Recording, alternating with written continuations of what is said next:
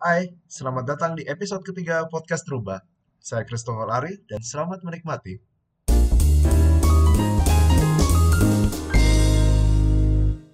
Yo guys, welcome back dan kali ini aku pengen minta maaf sebelumnya karena agak lama upload episode baru. Uh, dikarenakan saya sedang sibuk untuk mengikuti acara pelantikan profesi saya. Sejujurnya, untuk episode kali ini saya agak bingung mencari topik, namun saya lebih terpikirkan untuk bercerita aja mengenai curhatan saya dan perasaan saya mengenai uh, kota tempat saya mencari ilmu ini. Ya iyalah, 6 tahun gitu gak mungkin gak ada kenangannya kan.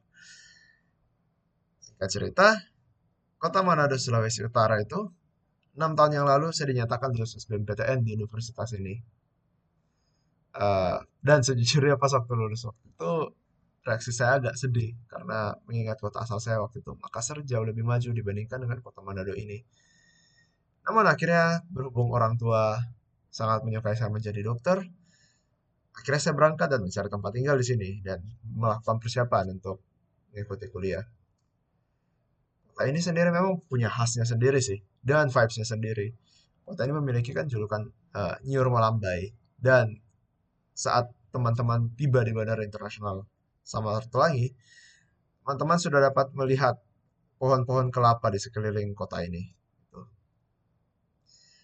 Saya masih ingat 6 tahun yang lalu, uh, kota ini betulan masih kayak tertinggal banget. Masih belum ada apa-apa. Fasilitas 4G masih ada, uh, sinyal internet buat main game gitu masih burik gitu. Bioskop XX1 waktu itu masih belum ada uh, bioskop XX1 waktu itu belum ada, yang ada waktu itu masih 21 doang di bawah XX1 waktu itu. McDonald's baru buka dan cuma ada satu doang. Gak ada minimarket seperti Indomaret dan Alfamart. Dan juga mallnya waktu itu hanya ada dua di sini. Dan, well, bersyukur sih. Cuma dibandingkan dengan Makassar lalu, saya tentu saja saya merasa ini sangat tertinggal gitu. Pokoknya waktu itu perasaan saya kayak, waktu halong ini kota ini benar-benar suram gitu. Oke, setelah tiba, kira singkat cerita, mulai kuliah. Uh, sebelum kuliah tentunya kita ospek dulu kan. Dan pas waktu masuk ke ospek, saya mengenal beberapa teman baru. Dan sejujurnya, saya adalah orang yang sangat susah bergaul. Mungkin karena efek selama saya sekolah dulu, saya agak takut karena menurut saya saya merasa di, saya dicap aneh oleh orang-orang di sekitar saya lalu itu. 6 tahun yang lalu, saya mau mulai kuliah dan belajar di salah satu jurusan favorit lah yang orang katakan suka sekali ingin masuk itu, yaitu kedokteran.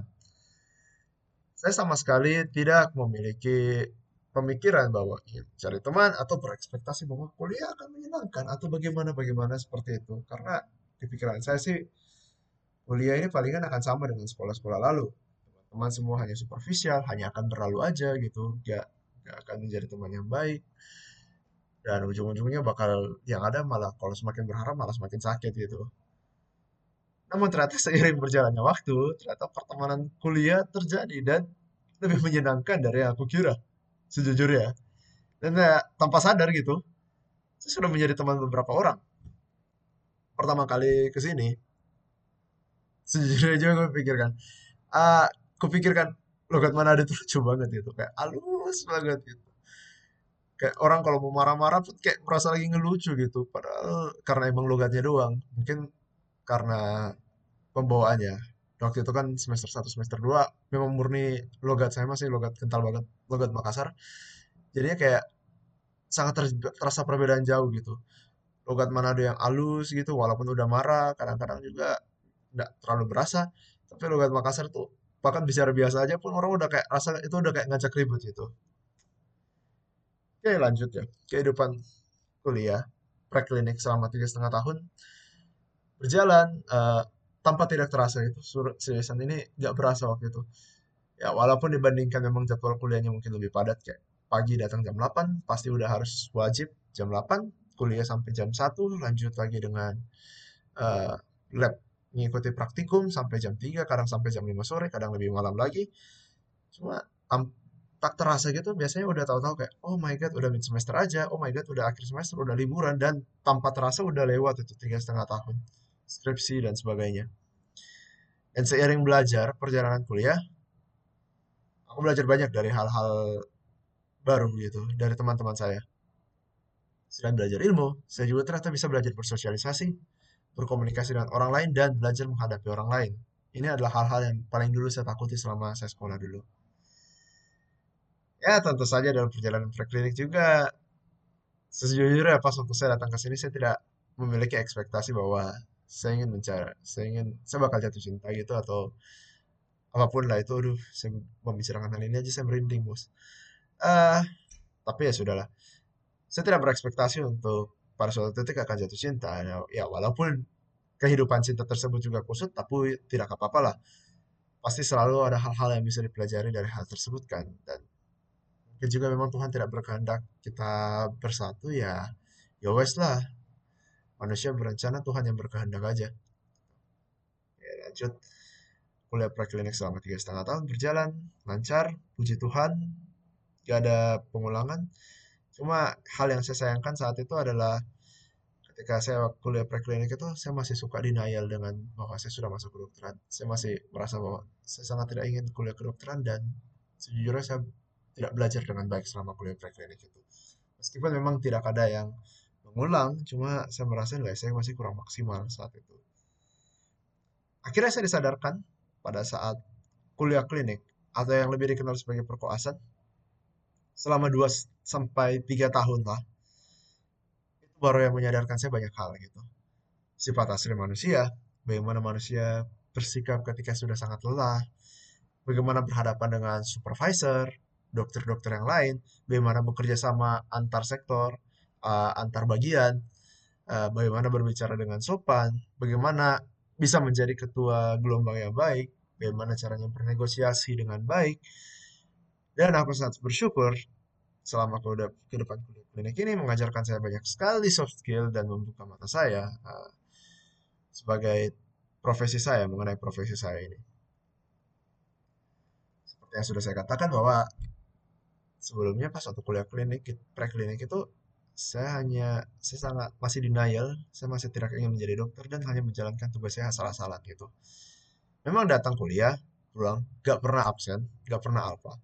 Tapi saat dibandingkan orang lain yang pulang ke rumah terus pulang ke kosan terus belajar saya nggak pernah belajar saya hanya belajar pada saat mau ujian sisanya saya hanya main game doang keluar nongkrong namun nanti ketika pas waktu kehidupan klinik atau perkoasan sudah tiba ternyata saya diha dan diharuskan berhadap dengan keluarga pasien di situlah barulah saya menyadari meskipun mungkin memang saya tidak ingin menjadi dokter At least jangan sampai saya merugikan pasien hanya karena ketidaktahuan diri saya.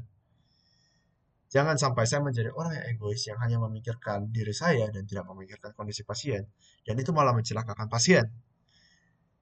Dan hal inilah yang membuat saya sangat berterima kasih kepada pasien-pasien yang sudah berhasil saya temui dalam kehidupan dalam kehidupan klinik saya karena mereka mengajarkan banyak sekali hal bukan hanya dalam ilmu kedokteran saja tapi banyak hal di dunia ini yang lebih penting daripada itu. Saya menjadi akhirnya menyadari dan saya mengetahui bahwa oke okay, sekali ini saya harus belajar lebih keras. Saya harus mengajar ketertinggalan saya dan agak mustahil untuk mengajar teman-teman saya mungkin yang belajar lebih keras dari saya dan dari saya juga mulai belajar bahwa tidak ada gunanya membanding-bandingkan diri saya dengan orang lain. Saya hanya perlu tahu bahwa saya menjadi pribadi yang lebih baik dan saya tahu bahwa itu hal yang memang harus dilakukan apabila saya ingin menjadi seorang dokter yang baik. Kuliah di sini memang dapat dikatakanlah sebagai jalan Tuhan gitu. Karena kalau mau dipikir-pikir tempat ini udah terpencil gitu. Uh, mau dibilang juga waktu itu saat saya masuk pas-pas kerusuhan lalu ada masalah dia ada masalah internal di kampus sampai akreditasi kampusnya waktu itu jatuh jadi B tapi ternyata seiring berjalannya waktu ternyata kampus saya akhirnya lulus dan akreditasinya menjadi A gitu. Saya juga bersyukur bahwa selama kehidupan kuliah saya, saya bisa bertemu dengan banyak-banyak orang yang saya kagumi. Dari dokter-dokter dan terutama presiden-presiden dan terutama sih yang paling penting adalah senior-senior saya. Senior-senior yang saya panuti gitu. Senior-senior saya tersebut mengajarkan banyak hal yang akhirnya malah pada ujungnya malah membuat saya lebih terkagum lagi pada mereka. Mereka mengajarkan saya ilmu-ilmu baru, uh, cara bersosialisasi yang baru, interest-interest mereka yang baru, ketertarikan suatu hal yang baru, cara melihat sesuatu dari sudut pandang yang baru gitu.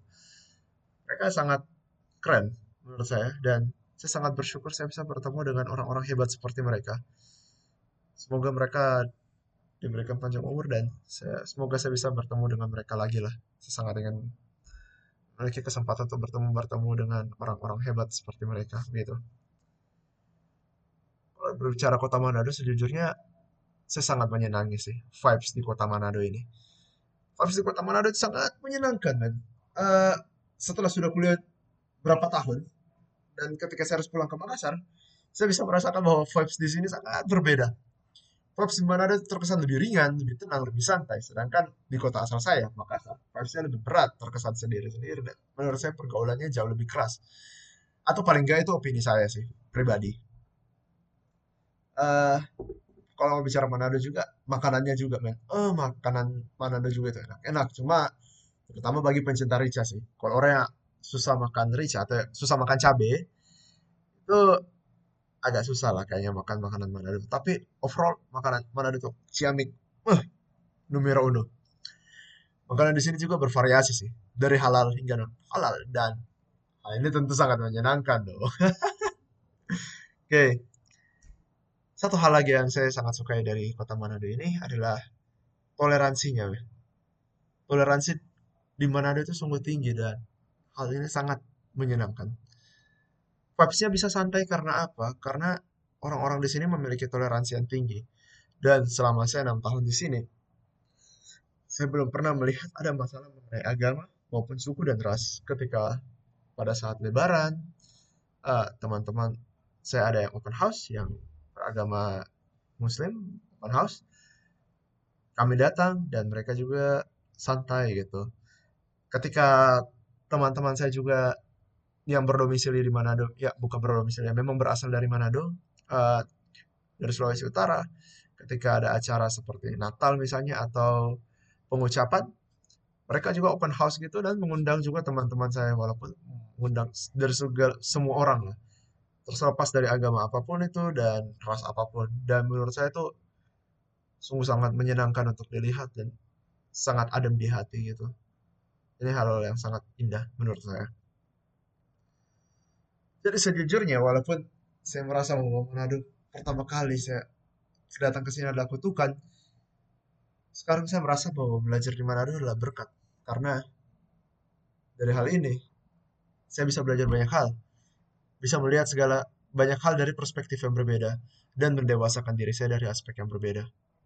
Mungkin hasilnya akan berbeda jika saya belajar di tempat lain, tapi yang jelas, saya juga tidak akan mengetahui bahwa apakah hasilnya itu lebih baik jika saya berada di tempat lain atau di sini.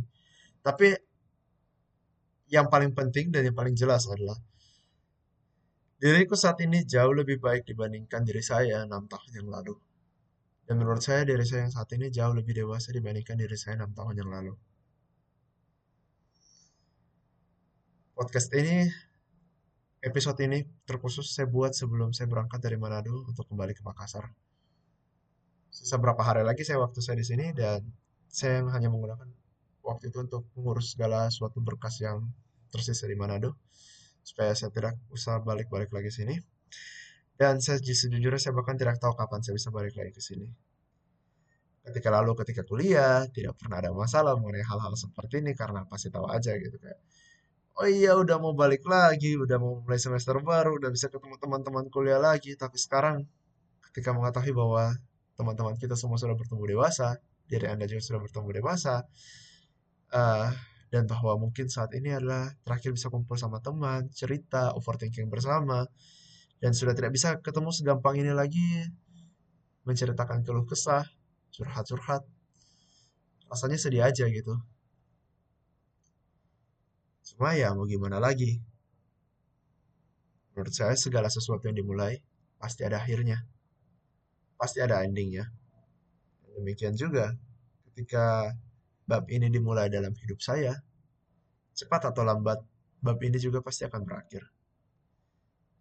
Salah satunya hal yang bisa kita lakukan adalah belajar dari pengalaman dan berterima kasih atas pelajaran yang telah diberikan oleh hidup selama enam tahun di kota Manado ini. Dan menurut saya itu adalah hal yang paling penting dan kita cuma perlu mengingat bahwa teman-teman kita selalu ada dan pelajaran-pelajaran hidup, uh, perjuangan yang kita lakukan saat kita belajar itu, itu yang paling penting.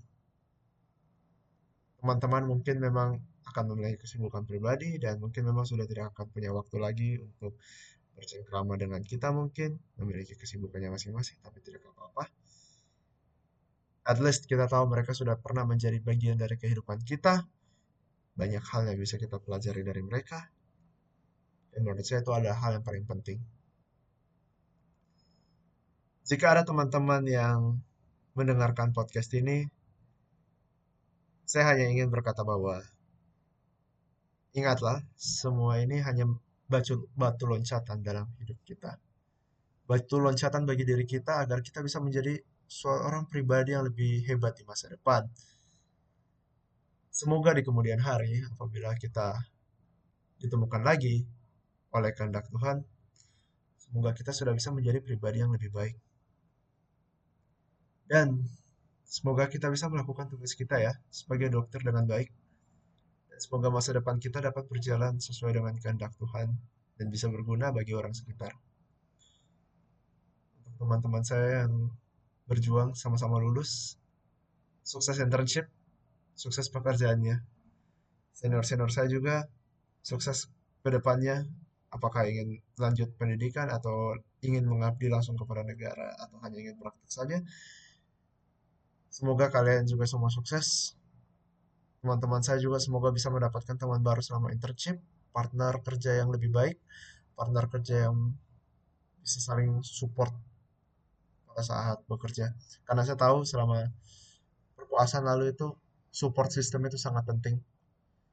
Support system mungkin saat ini saya sudah tidak ada di sini dan saya juga yakin teman-teman juga pasti akan bisa merasakan dampak yang sangat baik kalau apabila memiliki support system.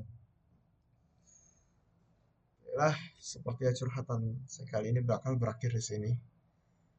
Dan saya cuma ingin berkata, this is a sad moment indeed, guys. But we will come back stronger, okay? Semangat guys dan ingat ke depannya don't forget to have fun? Okay? Cheers.